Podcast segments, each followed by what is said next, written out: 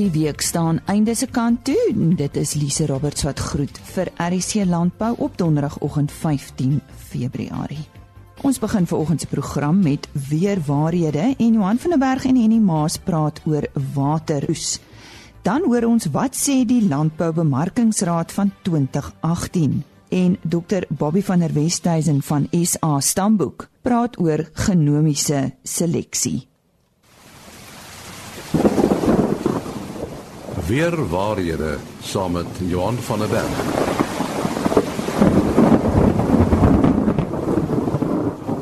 Ons uh, gesels weer met Johan van der Berg van Santam Landbou. Weer waarhede. En die keer praat ons oor wateroes. Ja, die naam sê dit eintlik al, né, Johan? Dit is so, veral in hierdie tye van droogte, gaan dit oor uh, kan 'n mens water op 'n ander manier uh in die hande kry as 'n normale manier. Nou dikwels is water beskikbaar, maar miskien in 'n ander vorm soos dou of waterdamp of mis. 'n Voorbeeld in die in die natuur is die plante in die Namib-woestyn. Die mis vanaf die oseaan kondenseer op die blare en die druppels vorm en dit rol af na die wortels. So daar's geen ander water nie, dit reën omtrent nooit in die woestyn nie en dit is die manier hoe hulle water kry. So kan uh, is daar gebiede uh, wat dit moontlik is om net te vertikaal te span en dan in gebiede met baie mis waterdruppels vorm dan op hierdie nette en word opgevang deur geete onderaan en dit word herlei na tanks. Maar natuurlik moet daar baie mistige toestande wees om dit wel te kan doen. Die ander wat baie meer algemeen is nou in hierdie droë tye is die opvang van reënwater op dakke. Nou baie mense sit tanks op, maar hoeveel water kan so opgevang word? Nou mense kan rofweg uh, so 'n som maak. Elke 1 mm reën op 1 vierkante meter van 'n dak is 1 liter water. So 'n gebied met 300 mm reën per jaar en dit is van ons droogste gedeeltes in die Noord-Kaap en die dele kan dus 300 liter water per vierkante meter per jaar opvang. So 'n huis van sê 120 uh, vierkante meter oppervlakte dak kan dus so, so 36000 liter water per jaar opgaar. Groter huise kan natuurlik nou baie meer en dan in gebiede met hoë reënval soos in Gauteng en die dele waar die uh, jaarlikse reënval 6 na 800 mm per jaar is, kan dit baie groot hoeveelhede water opvang. Dis as mens bietjie landbou kyk, uh, is daar ook al tegnieke ontwikkel uh, wat spesifiek hierdie wateroes uh, moontlik maak. Daar's implemente wat dammetjies maak om reën op te vang uh, en dit te laat infiltreer anders te loop dit direk weg. So dit word amper sulke dammetjies uh, en soos wat die reën of die water daar inkom, bly dit staan en dit kan baie makliker of dieper infiltreer. Daar's ook bewerkingstipes wat kan help om meer water op te vang en te keer uh dat dit wegspoel. 'n Interessante voorbeeld is in die Noord-Kaap waar die sogenaamde Syndikaatdam uh is nou dis dis eintlik 'n droë dam. Nou die kere as dit reën wat nie elke jaar is nie, dan word water in hierdie dam ingekeer. Uh dit uh, versadig 'n uh, redelike deel van die grond en dan plant die koring daarin. Uh en daar's genoeg water opgegaar om dan die koring te laat uh, ryp word. So dit dit dit is 'n proses anderster sou daai water net weggevloei het en dit word in die grond opgevang. So daar is maniere uh en ons sal met baie innoverend ook begin dink oor hoe ons water baie beter kan benut uh ons beskikbare waterbronne. Natuurlik as uh, as 'n mens nou water opvang of water oes uh ek weet byvoorbeeld in Kalifornië word jy nie toegelaat om water te, water te oes nie want hulle sê uh die water wat afloop is nodig vir vir byvoorbeeld spruite en damme. Dit is natuurlik aan die ander kant die groot gevaar is dat ons die waters uh of die water nie by ons groot reservoirs uitkom nie en dat ons soveel kleiner dammetjies en tanks het uh dat ons regtig 'n probleem het. Maar aan die ander kant uh die reën wat ons wel kry is baie keer in in terme van storms en groot hoeveelhede water wat ook nie effektief is nie. Uh, uh en waar mense van hierdie water regtig waar beter kan benut uh deur die water by jouself of nader aan jouself te hou. Maar dit is 'n probleem dat ons uh so die water vloei uh na ons damme beperk in so 'n mate en dan is daar nog ander konsekwensies dat ons uh waterkwaliteit begin swakker word omdat daar nie vloei is nie. So ja, dit is uh, versigtig hoe mense hierdie goed moet bestuur. Ons sê baie dankie aan Johan van der Berg van Santam Landbou vir sy gereelde rubriek weer waarhede. Dis nou tyd vir vleispryse op RSG Landbou en Chris Terksen staan gereed om vir u te sê wat het op 13 Februarie gebeur tydens die veilinge wat in die Noord-Vrystaat plaasgevind het. Chris? Dit is belangrik om te let dat soos koeie vet word vanaf die veld behoort vet seekoeie stadig gaan goedkoper te word wat julle ook al vandag sal sien. Gee vir presiese pryse. Speenkalvers onder 200 kg R43.46 van 200 tot 250 kg R40.98 en oor 250 kg R38.06. Daar was geen A-klasse beskikbaar nie. B-klasse het gegaan vir R23.33 per kilogram lewendig. C-klasse vetkoeie R22.31 en maarkoeie het gewissel van R19.35 tot R20.43 per kilo slagbulle R25.88. Skape, lammers R42.51 vir stoorlam en R32.01 vir vetlam. Maar oeye het gegaan vir R27.66 en vetoeye R28.11 per kilogram lewendig. En vanaf die bokmark, boklam R38.58 en bokoeie R26.21. Indien ons vir enige hulp verder kan wees, skakel mag enige tyd na 08280 75961. Baie dankie. Die stem daarvan Chris Derksen en hulle webtuiste is www.vleisprys.co.za. En nou weer terug na Henny Maas. Ons uh, gereelde gas van SA Stamboek, Dr. Bobby van der Westhuizen, kuier uh, weer hier by ons en hy bring ons op die hoogte van waar sake nou staan met genomiese seleksie by vleisbeeste en uh, waarom dit soveel voordele vir die bedryf inhou. Bobby, so in die begin van die nuwe jaar, waar staan Suid-Afrikaanse vleisbeesteelers as mens kyk na die toepassing van genomiese seleksie? Maar by die uh, vleisbeesrasse wat aanteken by stamboek het ons tans so uh, rapsie oor die 7000 vleisbees geno geno geno uh, genomiese profile op die op die Logix database wat so dit is so van 8 verskillende rasse. Huidiglik word daar reeds by die Bonsmara en die Beefmaster rasse 'n uh, genomiese genetiese evaluasies uh, aangebied deur SA Stamboek en kry hierdie rasse dan reeds volwaardige genomiese teelwaardes vir alle uh, kenmerke waarvoor teel genetiese teelwaardes bereken word. Hierdie teelwaardes sluit in genomiese teelwaardes dan vir reproduksie eienskappe, groei eienskappe as ook uh effektiwiteitseienskappe soos byvoorbeeld vervoer omsetverhoudings, uh residuele voerinnames uh en en natuurlik ook dan vir uh karkas eienskappe kry kry hierdie uh, rasse dan ook voorgenomiese ehm um, teelwaardes uh, uh, op uh, alreeds.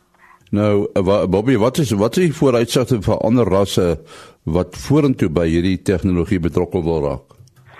Weereens tans uh, van die vleisbeesrasse wat by stamboek aanteken, was daar 8 rasse wat in die eerste ronde van die Beef Genomics projek deelgeneem het wat befonds was deur TIA en hier al, al hierdie agt rasse kan uitsien na die implementering van van genomiese tegnologie binne hulle ras. Die volgende uh, ras wat dan uh, direk in die lyn staan vir die implementering van genomiese seleksie is die Drakensberger ras wat ook al reeds hier by oor die 1000 diere op die oomblik klaar gegenetipeer het. En na, natuurlik daarna sal die ander vyf rasse volg. Dit is dan nou die Charolais, die Hereford, die Nguni, die Boran en Tuli rasse. En en die voordele van genomiese toetsing? Die voordele, ek dink die belangrikste voordeel uit die aard van die saak is vir genomiese seleksie doeleindes. Met ander woorde, dit is maar waar ons die die die die teelwaarde voorspelling van diere meer akkuraat en meer stabieler wil bereken veral vroeg in 'n dier se lewe. So daarom jong diere wat nog nie gemeet is nie, uh kry die grootste voordeel uit die akkuraatheid van voorspelde teelwaardes. Uh en dan sluit dit dan ook in van die ouer diere uh vir teelwaar vir teel vir eie teelwaar eienskappe wat laat in 'n dier se lewe uh gemeet word soos vrugbaarheidseienskappe uh uh en en langlewendheidseienskappe dis die kenmerke wat wat ook gaan ehm uh, uh, help met die akkuraatheid van voorspelling van hulle teelwaardes die dit wat ook baie gaan help is vir eienskappe wat duur is of moeilik is om te meet. Byvoorbeeld voerinname, individuele voerinnames op diere of karkaseienskappe. Uh, en en dit gaan ook help uh baie help om om daai teelwaardes uh meer akkurater te voorspel. Die volgende ding wat dan ook baie belangrik is, is dat ouerskappe outomaties baie meer akkuraat uh, gebevestig kan word deur genomiese toetsing uh en dan gaan sal dit help om die verwantskappe tussen diere wat in die, in genetiese evaluasies ingaan meer akkurater te bereken en nie net te rigsteen op die tradisionele aantekeninge van stambome op stamboeke nie maar ook hoe verwant 'n dier se werklike genetiese kode met een met die ander diere is wat wel 'n genomiese toets op het. Die die volgende een waar teelers kan uitsien na voordele is ehm um, waar daar verskeie genetiese aardke is wat deur enkel gene bepaal word voorbeeld dubbelbespiering of die die, die uh, horinglose diere of horing sal dra daai sulke kenmerke word deur enkel gene bepaal en, en dit dit is klaar ook op die genomiese profile wat ontsluit kan word uh vir die beskikbaarheid van die teelers om mee te kan selekteer En wêreldwyd, wat is die uh, nuutste ontwikkelings uh van genomies gebaseerde teelwaardes? Die nuutste tegnologie wat tans wêreldwyd gebruik word is die sogenaamde enkelstap uh, genomiese evaluasies. Uh dit is bloot waar die genetiese inligting van die genoom getoetste diere in 'n ras gebruik word om die verwantskappe tussen diere meer akkuraat te bereken uh en, en dan en dan hierdie verbeterde verwantskappe te gebruik in die teelware voorspelling. Nou by SA Stamboek het ons reeds hierdie metode geïmplementeer en berus alle genomiese teelware voorspellings wat ons hier by SA Stamboek doen reeds op hierdie enkelstap metode. Nou wêreldwyd is die uh, tegnologie wat betrokke is by genomiese seleksie uh, dis op uh, melkbeeste ontwikkel. Wat is die stand op die oomblik in die die Suid-Afrikaanse melkbedryf wat die saak betref. Ja, dit is baie waar. Hierdie tegnologie was um, in in die, in die in die melk melkbeeste ontwikkel wêreldwyd en dit het later oorgespoel na die vleisbeeste toe. In Suid-Afrika was ons so 'n bietjie stadig om uit die blokke te kom wat dit dan betref, maar dit ehm um, daar is dit word daar word op die oomblik goed gevorder met die opbou van 'n Suid-Afrikaanse verwysingspopulasie vir die Holstein, die Jersey en Ayrshire rasse uh, deur die sogenaamde Dairy Genomics projek wat ook deur TIA befonds word. En uh, hierdie projek is dan tans in sy derde en laaste jaar van uh, van befondsing. En na alle verwagting sal SA Spandoek wat dan ook tans die genetiese evaluasies vir al die hierdie rasse doen deur die loop van 2018 dan ook die eerste uh, Suid-Afrikaanse genomiese teelwaardes beskikbaar stel vir die genootskap vir die evaluasie uh van van van hierdie uh, Suid-Afrikaanse genomiese teelwaardes. Nou buitelandse bulle word op 'n groot skaal vir die suiwelbedryf uh in in uh ons eie kuddes gebruik. Hoekom moet daar Suid-Afrikaanse genomiese uh basisse wees wat opgestel word? Ja, gene werking is baie interessant. Uh gene word aan en afgeskakel op grond van skakelaars in die omgewing. Uh dit beteken dus dat verskillende stelle gene eintlik betrokke kan wees in die uiting van uh, 'n spesifieke eienskap in verskillende omgewings. Ons sien dit veral gebeur met kenmerke wat laer oorerfbaar is, soos vrugbaarheid en langslewendheid uh, eienskappe.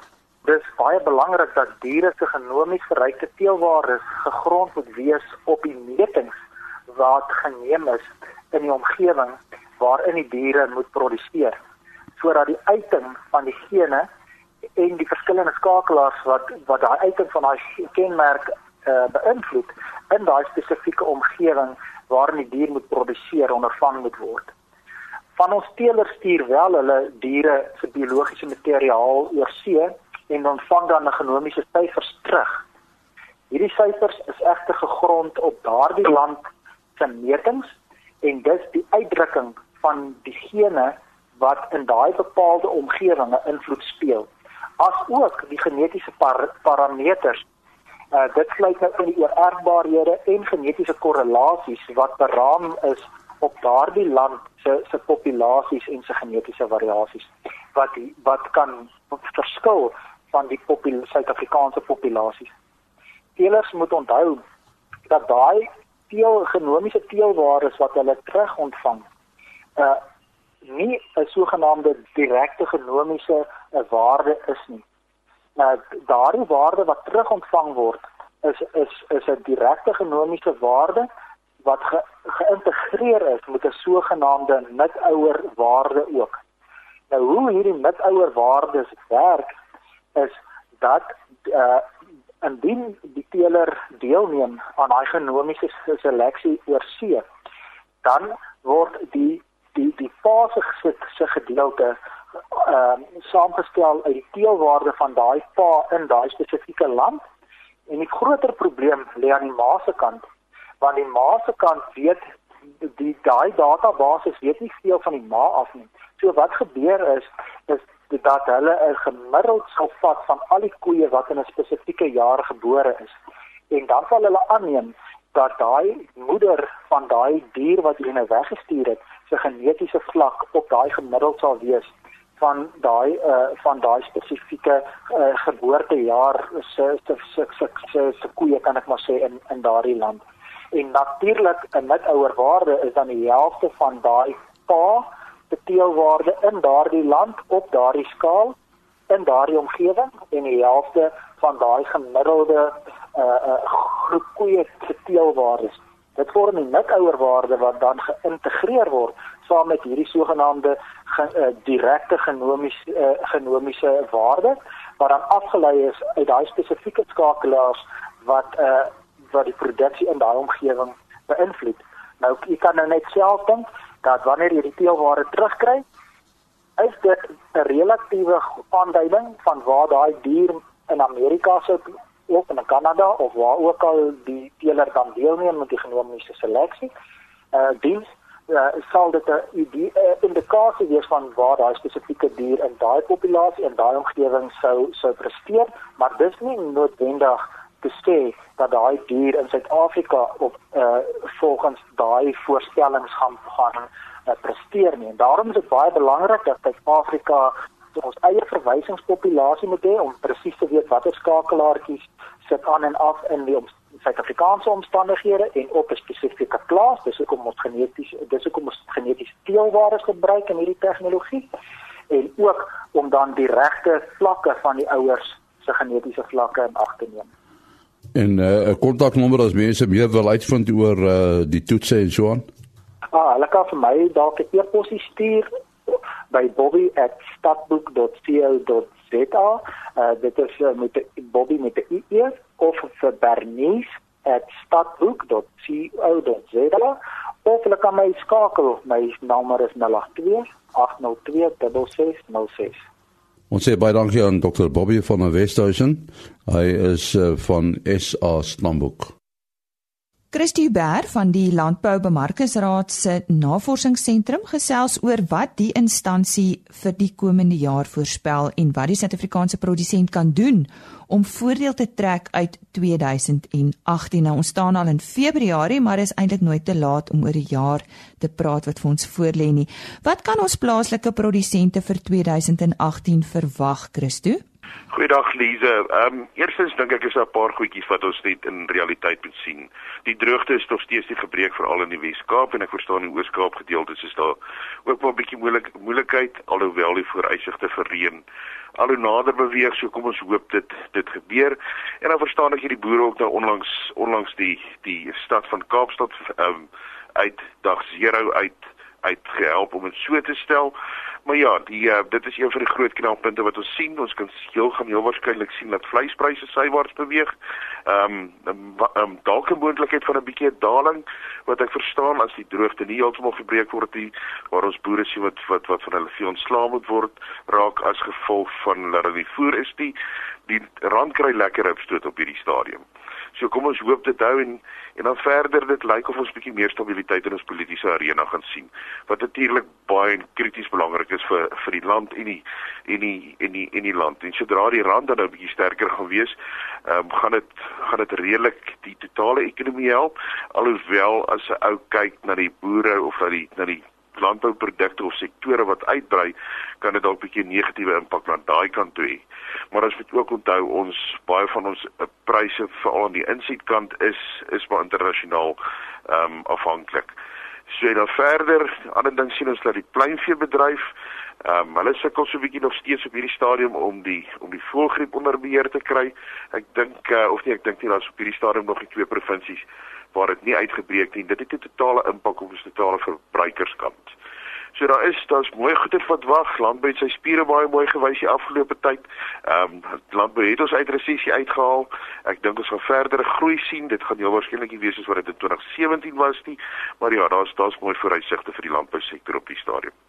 En internasionaal, sover landbou betref, wat kan ons te wagte wees? Ehm um, daar's 'n paar goedjies op die internasionale mark graanvoorraadvlakke is verskriklik hoog op die internasionale mark. So, ehm um, ons behoort verdere druk te sien met die prys betref wat nou natuurlik weer ook nie baie goed is vir ons graanboere nie, maar weer beter is aan die ander kant vir die vir die verbruiker. Dan sien ons dat die handel besig is om te styg. So, in die handel kan ook dan die verdere verlangsaming in die in die totale ekonomie help om dit bietjie op stootjie te gee en aan die gang te kom. En uh, en dan verder ook 'n ander een Ehm um, die uitbreiding van die voedselketting behoort ons ook te sien dat daar 'n bietjie versnelling kom veral vir alles ou begin kyk na die proteïen produkte soos hoendervleis, varkvleis, beesvleis op die internasionale mark. So ou kan 'n bietjie dalk meer mededingendheid in in in daai geval verwag. Jy het nou-nou so 'n bietjie oor voedselpryse gepraat en die verbruiker, kan jy bietjie meer daaroor gesels? Ja, verseker. Ons het gesien dat voedselpryse of voedselprysinflasie relatief begin afkom het in terme van reële terme. Ehm um, en ek dink ons sal ons sal die res van die jaar sien dat hierdie dat hierdie tendens voort sal bou. Veral op die rug van die van die van laer graanprys vlakke alhoewel dit 'n er, er, rapsie stadig of heelwat stadiger daal as as uh, as graanpryse en as as redes daarvoor in die in die totale ketting. Nou die vooruitsigte verder ook vir voedselpryse inflasie is omdat dit op die kort termyn relatief stabiel sal wees. Ehm um, as gevolg dan ook wat ek nou genoem het die graanvlakke, die buffervoorraadvlakke en ons behoort ook dan dalk 'n normalisering verder te sien in ons veebedryf en ook 'n herstel in die suikerbedryf wat bietjie onder druk gekom het. Ehm um, en dit behoort meer kontantvloei in die verbruiker se sak te sit en laat hy meer besteedbare inkomste kan hê en laat hy dan jou waarskynlik oor kan beweeg na duurder produkte of na ander produkte soos kom ons sê kom ons sê vleis, vleisprodukte ensovoorts. Kom ons gesels oor knelpunte tans en waarna moet ons kyk in 2018? Wel ek het nou genoem ons het gepraat van die politieke arena, dis 'n baie groot knelpunt op hierdie stadium. Dan uitlatings wat gemaak word, grondkwessies en die onteiening sonder kompensasie of vergoeding, dit bly 'n uitdaging. Ons verstaan almal dat dat dat transformasie baie belangrik is, maar ja, ek dink ons daar kan redelike negatiewe gevolge wees en hoe ehm um, sou hierdie hierdie tipe van goederes deurgevoer word. Dit kan beleggingsvertroue 'n bietjie 'n probleem gee. Ehm um, finansiële ehm um, stabiliteit in die sektore kan dit kan 'n impak hê. Ehm um, so, dit is dit is van die knelpunte en dan obviously die die droogte. Ehm um, hierdie stadium lees ek van internasionale skrywers dat hulle dat hulle sê die hele effek op ons droogte is eintlik onverklaarbaar. Ons is in 'n La Nina effek, maar maar was groot gedeeltes van van ons land trek trek baie swaar. Dink jy Suid-Afrika se mededingendheid behoort vanjaar te verbeter wat uh, produksie betref? Jep, verseker. Hmm. Die feit dat die feit dat ons ons reeds met hierdie groot graanvoorraadvlakke sit, help ons ontsettend baie. Ehm um, en dan die ander ding is goed, ehm uh, bietjie aan die bietjie aan die een kant is ons kry nie ons grane uit nie um, as gevolg van die groot graan of die hoë graanpryse op op op op hierdie op hierdie op hierdie stadium. Ehm um, En dan verder as jy ou kyk met die voedselsekerheid wat ook baie invloed in die mededingendheid. Dit is dis dis dit is ook uh um iets wat gekyk moet word. Um en uh, stabiliteit stabiliteit in die sektor is baie belangrik. Ons het gesien dat toe ons deur hierdie verskriklike groot droogte gekom het in 2016 dat dat tog kos op ons rakke was. Ek kan nog in enige winkel amper instap en daar was kos gewees. En dit wys dat die mededingendheid in die Suid-Afrikaanse vlak ehm um, op Suid-Afrikaanse voedselstelsel baie goed is. Kom ons praat oor landbou navorsing. Wat dink jy hou die jaar in? Wel, ehm um, aan die een kant is landbounavorsing uiteraard verskriklik verskriklik belangrik. As ons nie gaan bepaal wat die impakte van sekere beleidsmaatreëls gaan wees nie, dan gaan ons aan die einde van die dag nie bestuur kan deurvoer en ook kan uitwys presies wat gaan gebeur nie. Ehm um, en ons het reg rondom ons gesien ons bure en ek verwys nou spesifiek al wat in die verlede gebeur het. Ehm um, so die die navorsingsgedeelte bly prominent en baie baie belangrik. Ek sou baie graag wil sien dat daar baie meer geld aan navorsing spandeer word en dit is nou nie net die ouens met die jasse en die brille nie, hulle is ook verskriklik belangrik en laat daai tegnologie deurgegee word en aanvaar word op die landbouvlakke. Baie verwys ook na die ekonomiese gedeelte wat wat net so 'n belangrike rol speel. Ehm um, soos die een nou van die departement na die dag by een van ons vergaderings verwys het nou. Sodra daar bilaterale onderhandelinge plaasvind, dan sit van die oorseese lande met hulle navorsers daar. Sodra tarief inskop of sodra tarief weggevat word, weet hulle presies wat die impak op die totale land se ekonomie gaan gaan wees. So daai daai goeie speel vir my baie baie belangrike rol en ek dink ons kan baie aandag gee aan dit. Christo sê vir jou baie dankie om jy af te sluit. Uh, waarom is dit so belangrik vir hierdie sektor om deurlopend te groei en te ontwikkel? Lize, primêr ons het, ons het kos op ons borde nodig ons almal besef nie dat dat dat melk net uit 'n boks uitkom nie, maar dit kom van 'n totale ketting en dat 'n eier nie net uit 'n houer of van die koffie se rak afkom nie. So, die sektor is so so belangrik en sodra daar voedselsekerheid is, voedselbeskikbaarheid is en solank dit bekostigbaar is, het jy stabiliteit in jou totale stelsel en in jou land. En daardie woorde kom van Christie Huber, hy is van die Landboubemarkingsraad se Navorsingsentrum. Voor ons groet, die waterkrisis in Kaapstad was onlangs onder die vergrootglas geplaas toe waterkenners tydens 'n media-konferensie vir drastiese verandering in waterbestuur in Suid-Afrika aangevra het. Volgens professor Anthony Turton, 'n kenner op die gebied van waterstelsels, sal Suid-Afrika toenemend meer waterskaars word. Hy meen daar sal dringend in die herwinning van afvalwater, die verwydering van sout uit water en die konjuktiewe gebruik van grondwater belê moet word. Hy het ook gewaarsku dat Gauteng se watersekuriteit in gedrang is as gevolg van vertragings met die tweede fase van die Lesotho Hoogland waterskema. Fluit fluit ons storie is uit. Ons is dan weer maandagooggend om 05:30 terug met nog RSG landbou. Mag dit met u goed gaan die res van hierdie week en ook die naweek. Totsiens. RSG Landbou is 'n produksie van Plaas Media. Produksieregisseur Henny Maas. Aanbieding Lisa Roberts. En inhoudskoördineerder Jolandi Root.